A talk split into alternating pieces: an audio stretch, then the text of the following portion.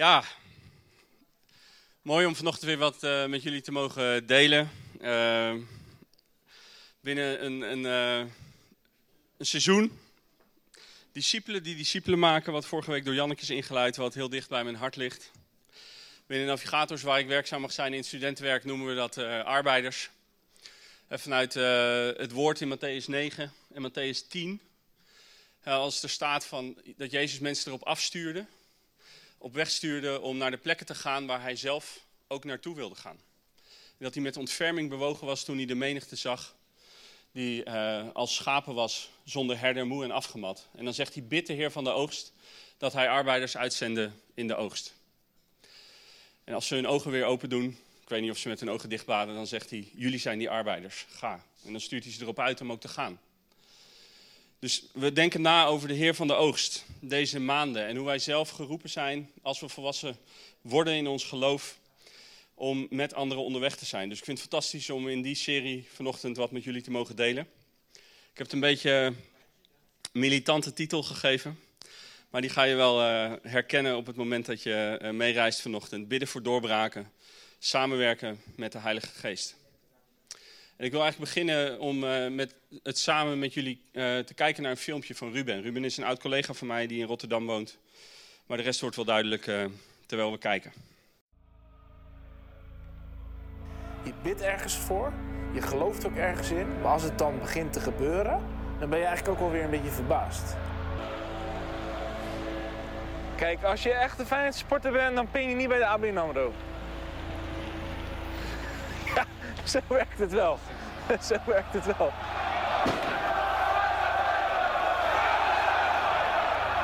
En als je een echt fijn sporter bent, dan, dan, uh, dan ga je ervoor. Dan, uh, toen ik zelf uh, echt jarenlang hier ook seizoenskaart had, ja, dan elke schoolfoto weer, jaar na jaar na jaar, heb je een fijn shirt aan.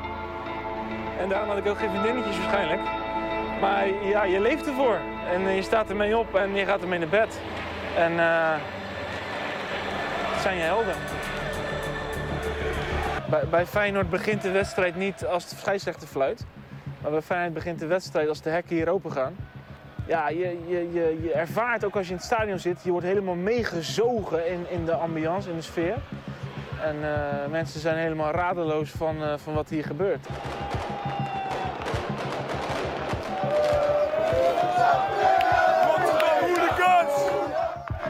Ik denk dat voor heel veel Feyenoord supporters dit de kerk is. En dat Feyenoord hun God is. En dat is het voor mij ook geweest. En toch geloof ik nu iets anders. Drie jaar geleden, 15 oktober 2015, kregen we hier de sleutel. We moesten allereerst natuurlijk wel een klein beetje wennen aan de buurt. Uh, Charloes staat bekend als een hele slechte wijk in dit land. Ja, we hebben alle buren uitgenodigd in de eerste periode. En er zijn ook een aantal hier geweest. Uh, en de buurman die boven ons woonde, die hield het contact een beetje af. En dat was Raymond.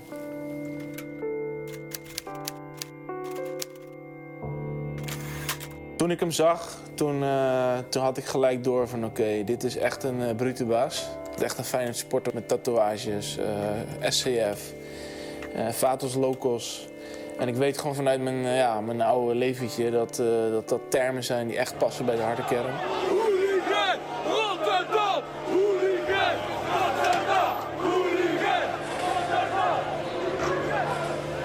Ik snap het. Ik snap hoe hij leeft en ik snap ook wat zijn God is. Dat snap ik. En dan ervaar je ook automatisch wel een soort van uh, klik. Toen besefte ik me ook gewoon op plat Rotterdams van... als er niks met deze man gebeurt, dan gaat hij naar de kloten. En ik geloof niet dat God dat voor hem heeft. En ik geloof ook dat God soms in je leven specifieke mensen voor je neus kan plaatsen... of in je omgeving kan plaatsen die, die hij je echt gegeven heeft... om voor te strijden, om voor te bidden, om voor te gaan. En toen, ben ik, uh, toen zijn we letterlijk gaan bidden uh, dat hij niet meer zou slapen tot hij Jezus zou vinden. Daar ligt iemand te slapen op dit moment die u niet kent, die naar de kloten gaat als er niks gebeurt. U gaat ervoor zorgen dat hij wakker ligt en dat hij s'nachts u te zien krijgt.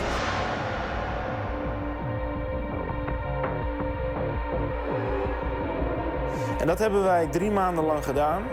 Regelmatig, grondig, met geloof en verwachting dat er ook nou eens een keer echt wat zou, wat zou gaan gebeuren.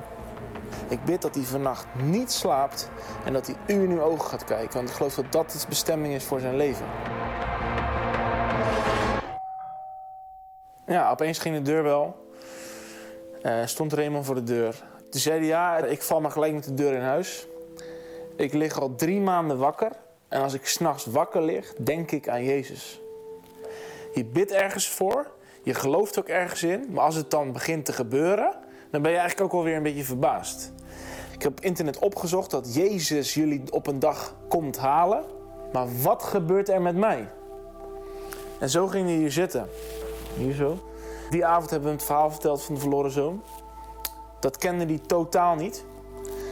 Hij dacht dat de verloren zoon terug zou komen bij de vader. En dat de vader gewoon aan het werk zou zijn en hem helemaal verrot zou schelden. Dat zei hij ook. Want hij heeft zijn geld heeft hij verbrast. En nou, ik, ik kan me niet voorstellen dat hij staat te wachten. Ik denk dat hij hem verrot scheldt.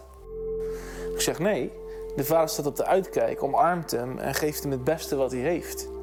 En toen zei ik, buurman, is dat ook niks voor jou dan? Als jij daar gewoon vanavond toe besluit, dan is, dan, dan is dat zo. En toen heeft hij die avond heeft hij drie keuzes gemaakt.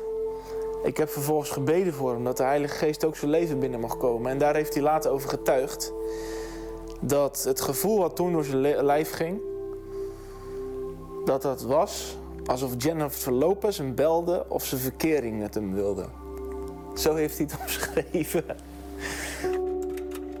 In de zomer van 2016 heeft ook deze man zijn leven aan Jezus gegeven. Is hij een dag later gedoopt.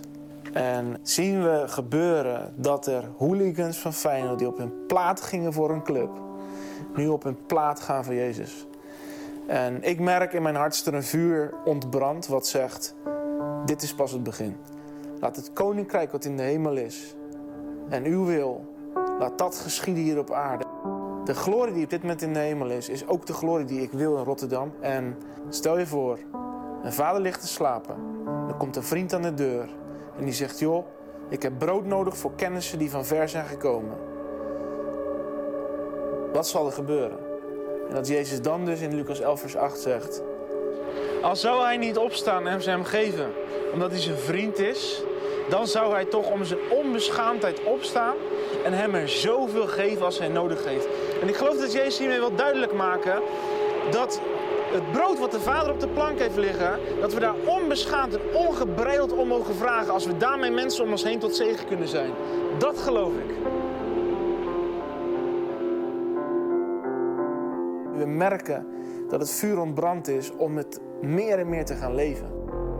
Of je nou in Purmerend woont of Rotterdam-Zuid, ga op je knieën en durf de Vader onbeschaamd te vragen dat de mensen in jouw omgeving Hem zullen ontmoeten.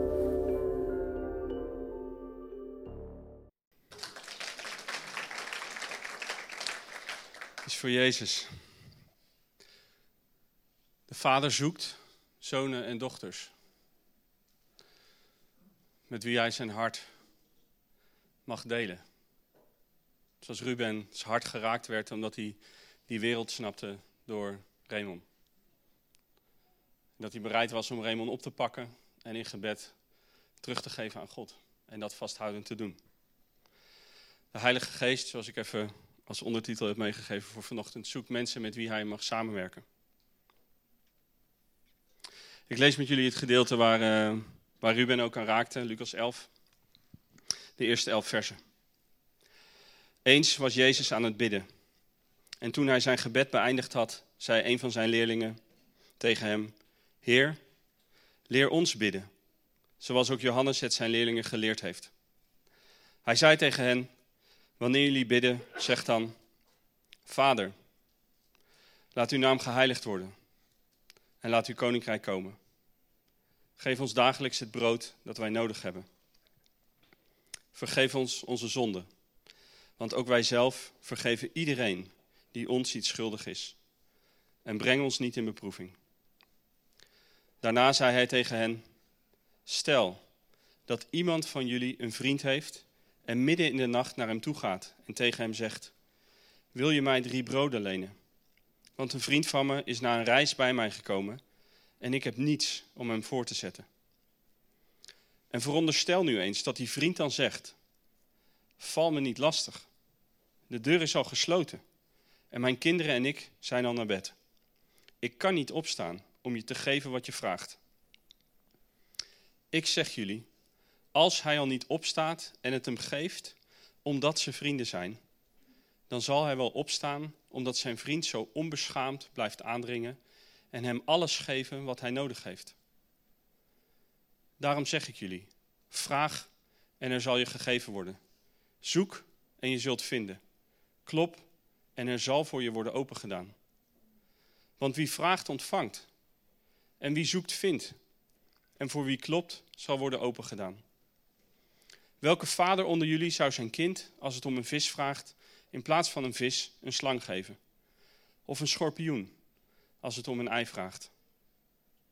Als jullie dus, ook al zijn jullie slecht, je kinderen al goede gaven schenken, hoeveel te meer zal de Vader in de hemel dan niet de Heilige Geest geven aan wie hem erom vragen?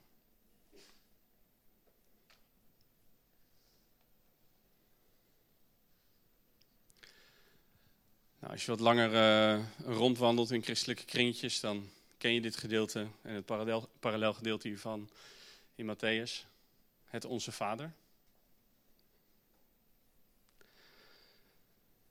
Maar wat interessant dat Jezus het Onze Vader in dit gedeelte verbindt aan voorbeden voor anderen. Hij leert ze bidden en dan gaat hij een, een, een illustratie geven, een principe uitleggen wat gaat over dat je aanklopt bij een vriend, waarvan hij later zegt, die vriend dat is de Vader in de hemel. En dat je gaat vragen voor een ander. dan staat er in deze vertaling, MBV, in vers 6. Want een vriend van me is na een reis bij mij gekomen en ik heb niets om hem voor te zetten. En ik zat erover na te denken, in het, in het verlangen dat mensen in mijn omgeving Jezus leren kennen, zoals Ruben en Johanne dat verlangen hebben, in Charloes, waar ze wonen, in hun flat. Zoals jullie dat verlangen hebben, denk ik, voor mensen om je heen. Niet omdat het moet, maar omdat je zelf iets geproefd hebt van de liefde van de Vader en het hen gunt.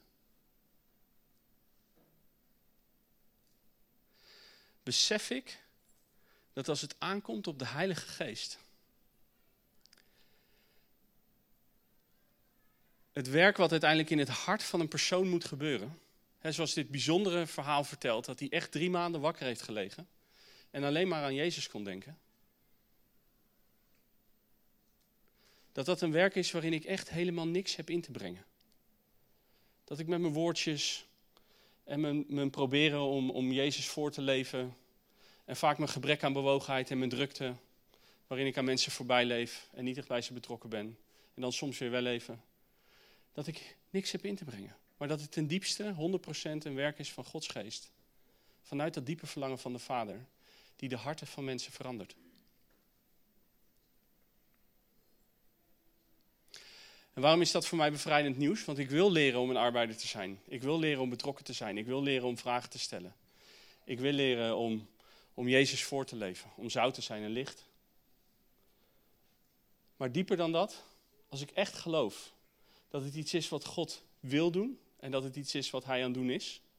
En dat het iets is wat zijn geest kan doen. Dan roept het me om te leren bidden. Zoals de leerlingen wilde leren bidden. En dan is het bevrijdend om te beseffen dat ik niets heb. En dat de Vader alles wil geven.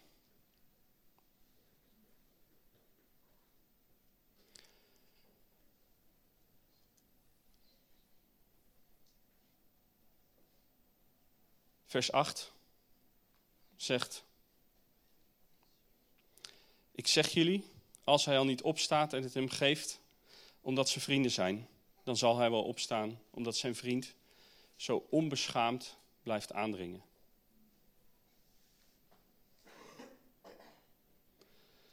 Wat zijn de dingen waar jij onbeschaamd voor blijft aandringen bij de Vader? Doe je dat überhaupt? Geloof je dat hij je zo'n plek heeft gegeven in zijn hart? dat dat is wat hij wil. Dat als we praten over de Vader zoekt aanbidders in geest en waarheid, dat de essentie van aanbidding is, is dat we zijn hart leren kennen. Dat we daar rondlopen, dat we hem vastpakken voor de dingen die hij belangrijk vindt. Zoals hij ons probeert vast te pakken in de dingen die hij belangrijk vindt. Durf ik dat? Ik belde Ruben op toen ik dit filmpje zag. Ik zei, gast, waarom ben je dit gebed gaan bidden? He, voelde je je geïnspireerd door de Heilige Geest om eh, te gaan bidden dat hij nooit niet zou slapen? Nou, hebben jullie gezien? Hij gaf niet echt antwoord op die vraag. Maar wat ik wel proefde in zijn antwoord, was dat hij zich laat raken door de Vader en van daaruit dingen heeft waar hij God niet in wil loslaten. Tot er gebeurt waarvan hij gelooft dat God het wil doen en tot hij het ziet gebeuren. Onbeschaamd blijven aandringen. Net zolang tot je het krijgt. De mensen die wel thuis zijn in de Bijbel, die horen het verhaal van de vrouw bij de onrechtvaardige rechter in Lucas 18. Die recht nodig heeft. Die totaal overgeleverd is aan die rechter. Die niks in de melk te brokkelen heeft. En die blijft vragen en die blijft vragen en die blijft vragen en die blijft vragen en die blijft vragen. En dan zegt Jezus dat die rechter vanuit egoïstische motieven, dus hij heeft het in die zin niet over zijn vader, zal geven wat die vrouw vraagt, omdat, ze van af wil zijn, omdat hij van haar af wil zijn. En dan eindigt hij in vers 7, dan zegt hij, als de zoon des mensen terugkomt op aarde, zal hij dan geloof vinden. En dan verbindt hij geloof aan het aanhoudend blijven vragen. Het onbeschaamd blijven aandringen.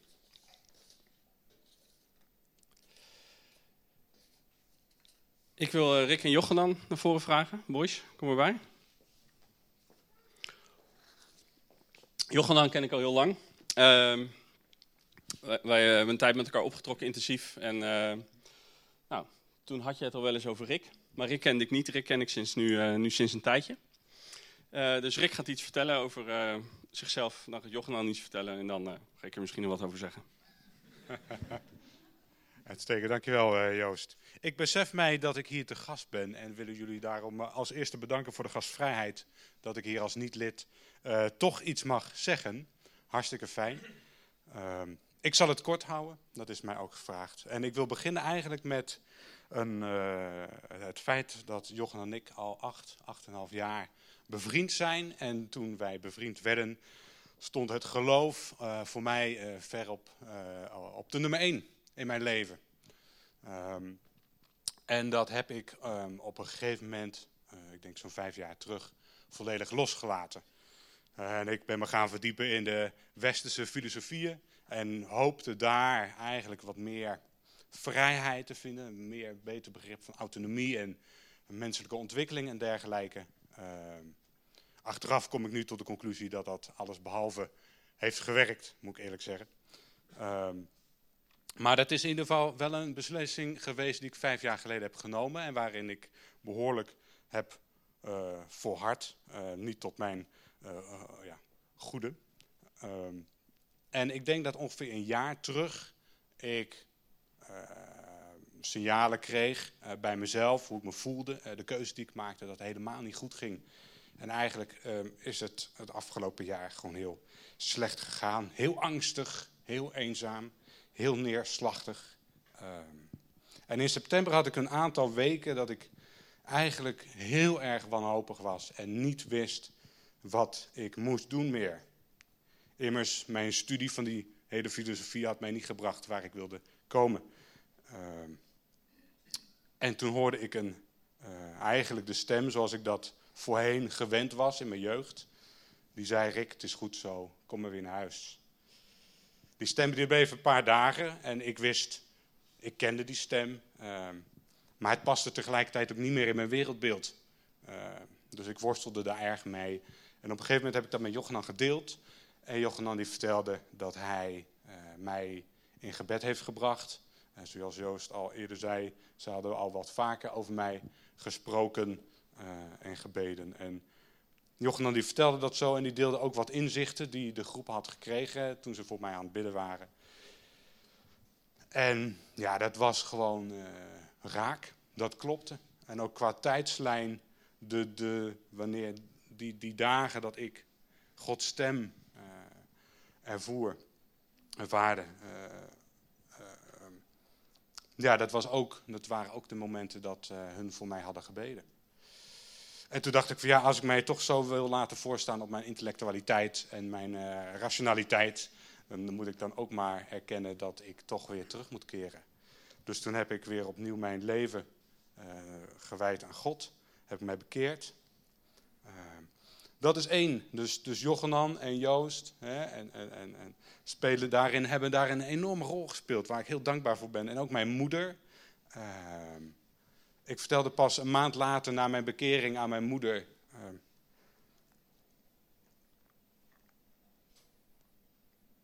dat ik dat had gedaan. En nou, zij was hartstikke blij. En zij vertelde van ja, ik heb eigenlijk al die jaren altijd uh, voor je gebeden op weg naar mijn werk. En ik had het idee dat God mij daar ook om vroeg. En een maand geleden was dat weg. En ik begreep het al niet. Toen zei ik van ja, maar sorry voor het wachten. Ja, maar in ieder geval, uh, en, en daar zal ik het voor nu bij laten. Uh, twee mensen die, die ontzettend veel, die hebben gebeden. En uh, ja, waar ik ze heel dankbaar voor ben en God ook heel dankbaar voor ben. Ja. Dus.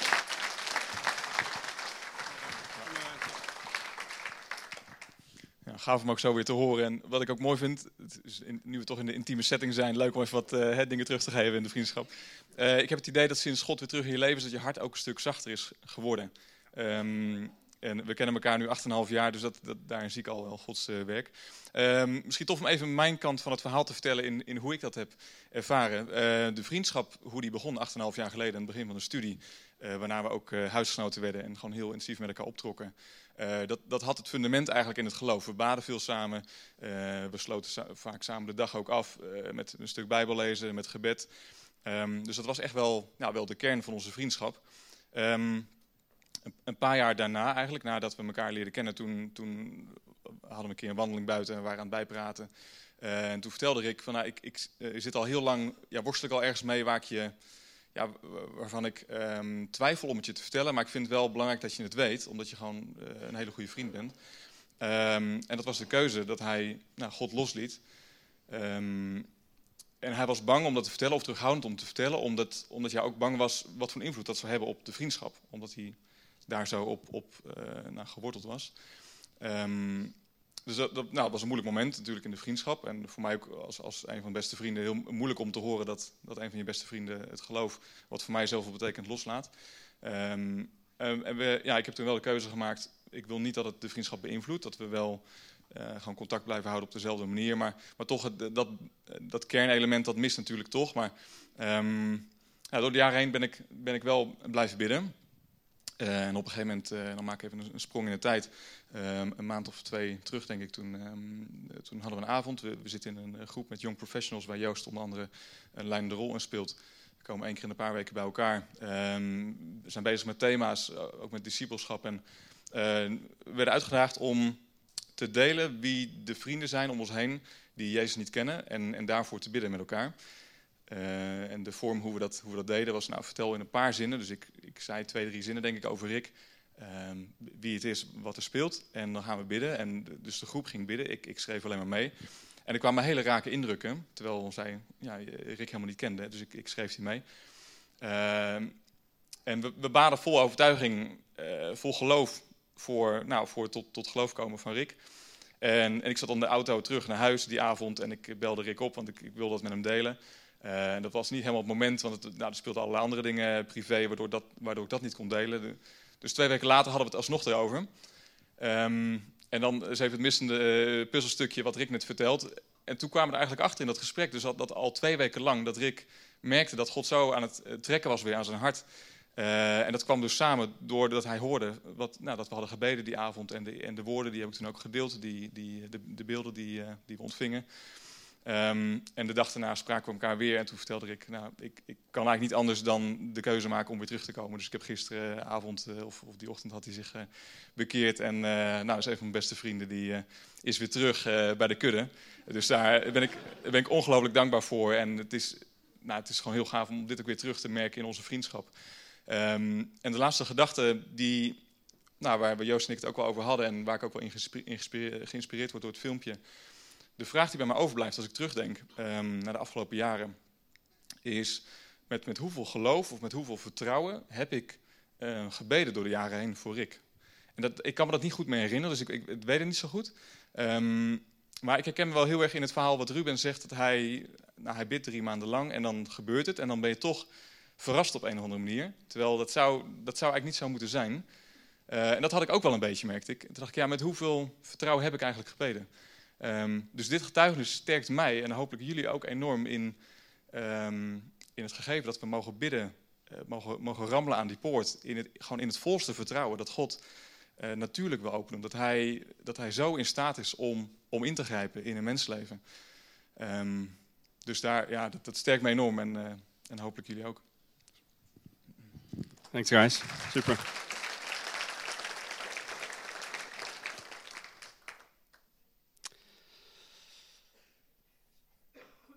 De reden dat ik vroeg, uh, Jochenan en is samen met vier andere young professionals, ik ben dan semi-young professional, um, dat ik vroeg of ze allemaal één naam wilden noemen, is omdat ik weet hoe ingewikkeld het is vanuit mijn eigen leven om heel lang volhardend in je eentje aan bidden te zijn voor iemand waar je niet zo heel veel verandering ziet. En ik wilde hen laten proeven hoe gaaf het is op het moment dat jij niet zelf de naam van die persoon weer voor Gods troon brengt en uitspreekt. Maar om je broers die naam te horen uitspreken. En om de Heilige Geest te vragen om dat gebed te inspireren. Wat hij deed doordat hij indrukken gaf over Rick. Ook al hadden we hem allemaal nog nooit ontmoet. En hadden we zijn naam net voor het eerst gehoord, behalve ik dan, omdat ik al langer met Jochenan optrek. En uh, het was gaaf om uh, samen voor Rick te pleiten op dat moment, met z'n zessen. En om ook te bidden in datgene wat de Heilige Geest liet zien. Want de Heilige Geest openbaarde iets van de duisternis, die, waar Rick net van getuigde, die eigenlijk steeds uh, sterker werd in zijn leven. En, liet bepaalde dingen zien waar we ook in autoriteit uh, ja, even zijn gaan staan, zeg maar, als uh, zonen van de koning. En de boze uh, zijn, zijn macht hebben afgenomen. Ehm, Matthäus 18, even ter illustratie. Of eigenlijk is dit het principe en uh, was dit van net de illustratie. Jezus zegt, ik verzeker je, of jullie. Al wat jullie op aarde bindend verklaren, zal ook in de hemel bindend zijn. En al wat jullie op aarde ontbinden, zal ook in de hemel ontbonden zijn. Ik verzeker het jullie nogmaals. Als twee van jullie hier op aarde eensgezind om iets vragen, de MBG zegt eenparig begeren, wat het ook is, dan zal mijn Vader in de hemel het voor hen laten gebeuren. Want waar twee of drie mensen in mijn naam samen zijn, ben ik in hun midden. En wat is het gaaf dat we deel zijn van een soort evangelische beweging die doorheeft dat het samen voor God verschijnen um, um, ruimte biedt voor Hem om ook in ons midden aanwezig te zijn. Wat we hopelijk allemaal uh, soms of vaak ervaren. Maar de context waarin Jezus praat over het feit dat hij aanwezig wil zijn, waar twee of drie mensen samen zijn, is een context van voorbeden, waarin de autoriteit van de hemel door het samen invloed heeft op de aarde. Dus dat hij is met ons, hij is bij ons. Als we samenkomen in zijn naam, dan is hij er. Dat heeft opnieuw natuurlijk die, die richting van hij is er voor ons, want hij houdt van ons. Maar net als met het Onze Vader staat het in een context. Wat gaat over voorbeden, wat gaat over zijn wil die openbaar wordt in onze omgeving, in onze sfeer van invloed, in de levens van de mensen om ons heen. En wat is het gaaf dat er voorbeelden zijn van de verandering die dat kan uitwerken en van de kracht van gezamenlijk gebed. Johannes 17, vers 9. Ruben raakte er al aan in zijn, uh, zijn filmpje, zeg maar. Jezus in het hoogpriestelijk gebed is dit. Vlak voordat hij gevangen genomen wordt. Ik bid voor hen. Ik bid niet voor de wereld, maar voor de mensen die u mij hebt gegeven.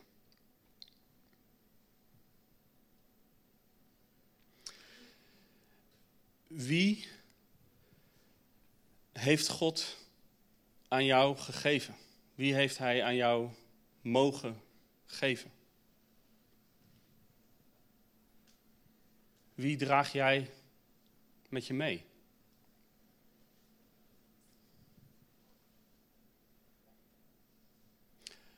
Regelmatig tijdens de aanbidding, als we zingen over Gods koninkrijk of, of, of over recht, of over thuiskomen, of over de eenzame, over de wezen, over de weduwe, dan weet ik als ik naast me kijk dat Josephine waarschijnlijk in tranen is.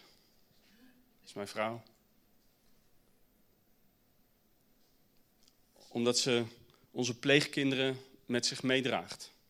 In bijzonder hen voor wie er weinig perspectief lijkt. Naar voren toe, terwijl ze nog zo jong zijn. Omdat ze werkt in de pleegzorg. En betrokken is op zoveel kinderen met zo weinig perspectief. En dan weet ik dat als zij in aanbidding voor God komt, en door de muziek en door de woorden wordt ze uitgenodigd om na te denken over zijn goedheid en zijn trouw en zijn grootheid. En zijn verlangen om dichtbij te komen en om te redden en te bevrijden. En te genezen, wat Bram eerder vandaag al aanhaalde. Dat dat raakt aan het verlangen wat ze heeft en aan de frustratie die ze heeft en soms de wanhoop die ze ervaart. Voor die mensen die zij met zich meedraagt. En zo zal dat voor jou misschien hopelijk op eenzelfde manier gelden. God wil ons mensen geven. De Vader gaf Jezus mensen. Niet de hele wereld, maar een paar. En op het moment dat hij in de aanwezigheid van God kwam, dan had hij hen altijd bij zich. En dan ontstaat er een verbinding tussen aanbidding en voorbeden dan ontstaat er een verbinding tussen datgene wat je in je eentje draagt en het samen met broers en zussen. En ontstaat er een hele krachtige dynamiek. Wie draag jij met je mee?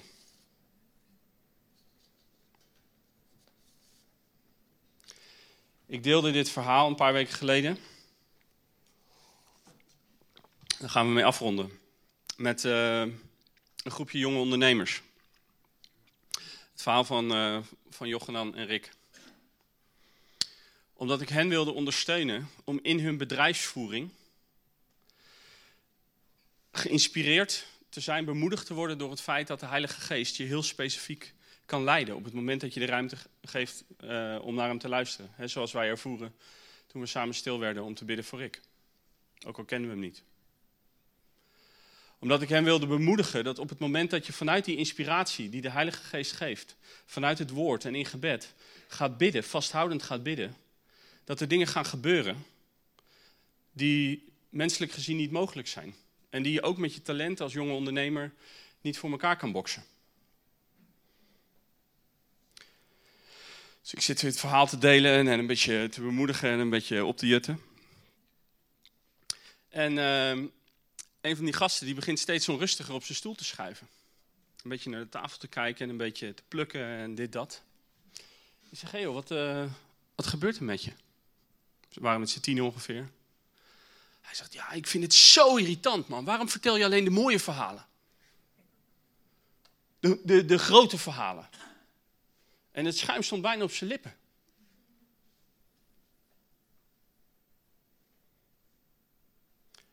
En ik zei, misschien wel, zodat jij ontdekt wat er in jouw hart is. Vertel eens, wat gebeurt er met je? Hij zei, ah, in zijn gezin, met God geleefd, gezin is kapot, moeder weg, ik heb vrienden met God geleefd. Ze hebben hem losgelaten. Ik bid al zo lang voor die persoon. Er gebeurt helemaal geen reet. Hij ging helemaal los. Ik zei, nou, misschien is de enige reden dat ik net dit mooie verhaal heb verteld. Wel zodat jij de ruimte kreeg om te ontdekken dat, er, dat dit op, op, op dit moment de realiteit is in jouw hart als het gaat over gebed. En over de verandering van levens, in het bijzonder de levens van mensen van wie je houdt. En op wie je betrokken bent. En inmiddels hebben we al heel veel uren samen mogen bidden voor zijn vrienden. En is die deel geworden van een groepje jongens met wie we elke week een paar uur samenkomen om bij God te zijn en om de troon te bestormen.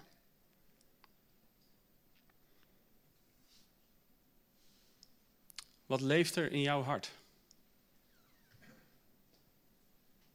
Als het gaat over gebed, als het gaat over samenwerken met de Heilige Geest, als het gaat over datgene wat Hij in jou wil doen, zodat het door jou heen verandering uitwerkt in de levens van de mensen die Hij jou te dragen geeft. En bijbels gezien draag je mensen natuurlijk niet in je eentje, maar is het zo dat Jezus de voorbidder ons draagt voor de troon van God. En dat wij uitgenodigd worden om net als Hij dat doet en waar wij door Hem gedragen worden, mensen met ons mee te dragen. Wat leeft er in jouw hart?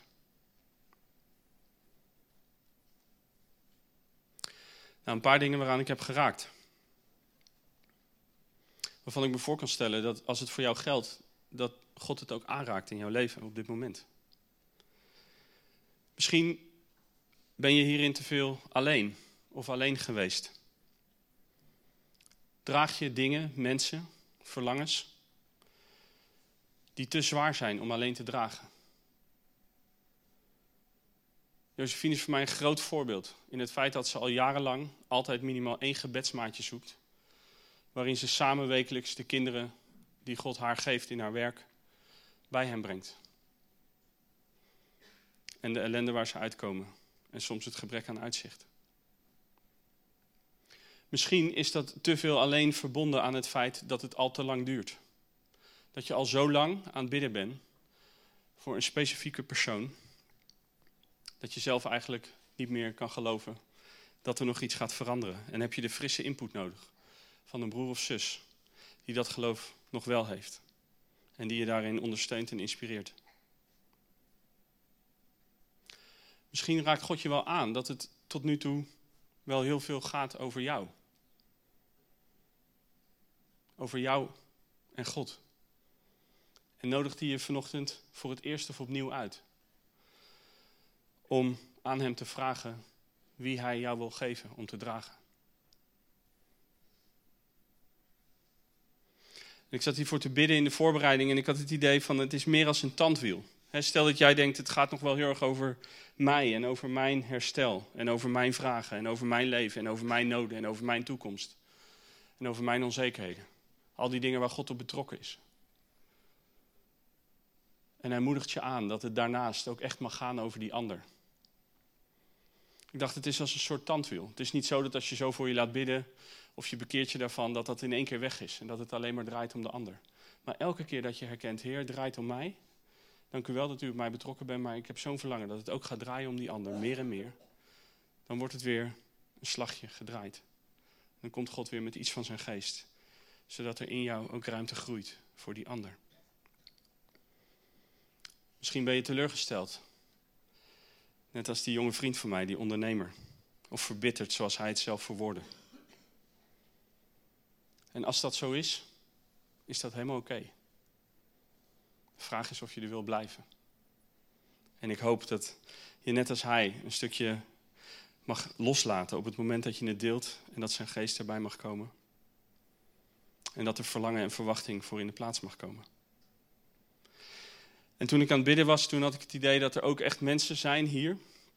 In wie God dat onbeschaamde, dat vuur, dat verlangen, die ongebreidelde passie, die scheid heeft aan wat mensen denken. Die scheid heeft aan anderen, die gewoon wil dat er gebeurt waarvan je gelooft dat God wil dat er gebeurt. Dat er recht geschiet, dat zijn koninkrijk komt. In jouw omgeving. In het leven van mensen op wie je echt betrokken bent.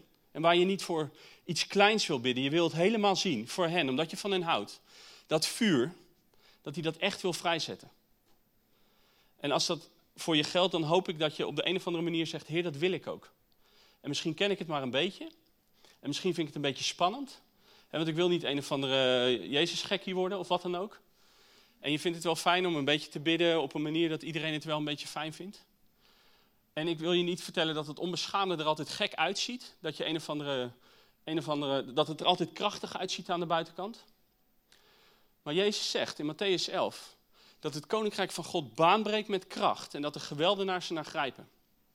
En of jij nou geroepen bent om een geweldenaar te zijn waar het aan de buitenkant er ook geweldig of gewelddadig uitziet, of dat het er aan de buitenkant niet zo uitziet. Als God bewogenheid in je laat groeien, als Hij verlangen in je laat groeien, als Hij frustratie in je laat groeien, dan gaat dat gepaard met iets van vuur, wat mag leiden tot onbeschaamd blijven aandringen tot het gebeurt. En dat niet alleen doen, maar ook samen. En ik daag je echt uit, als dat wakker wordt gemaakt, of opnieuw wordt aangewakkerd vanochtend, om daar op de een of andere manier iets mee te doen. En als we dat mogen zegenen zometeen, dan gaan we dat doen. Oké, ik hou mijn mond. Ik vraag aan de Heilige Geest om licht en of hij wil spreken, zodat in de stilte van een minuutje of zo, als jij het verlangen hebt dat hij zelf het verbindt, als dat nog niet is gebeurd, laat zien waar het over gaat. Heilige Geest, u bent hier en u schijnt uw licht en u spreekt uw woord. En ik, ja, u, u bent welkom.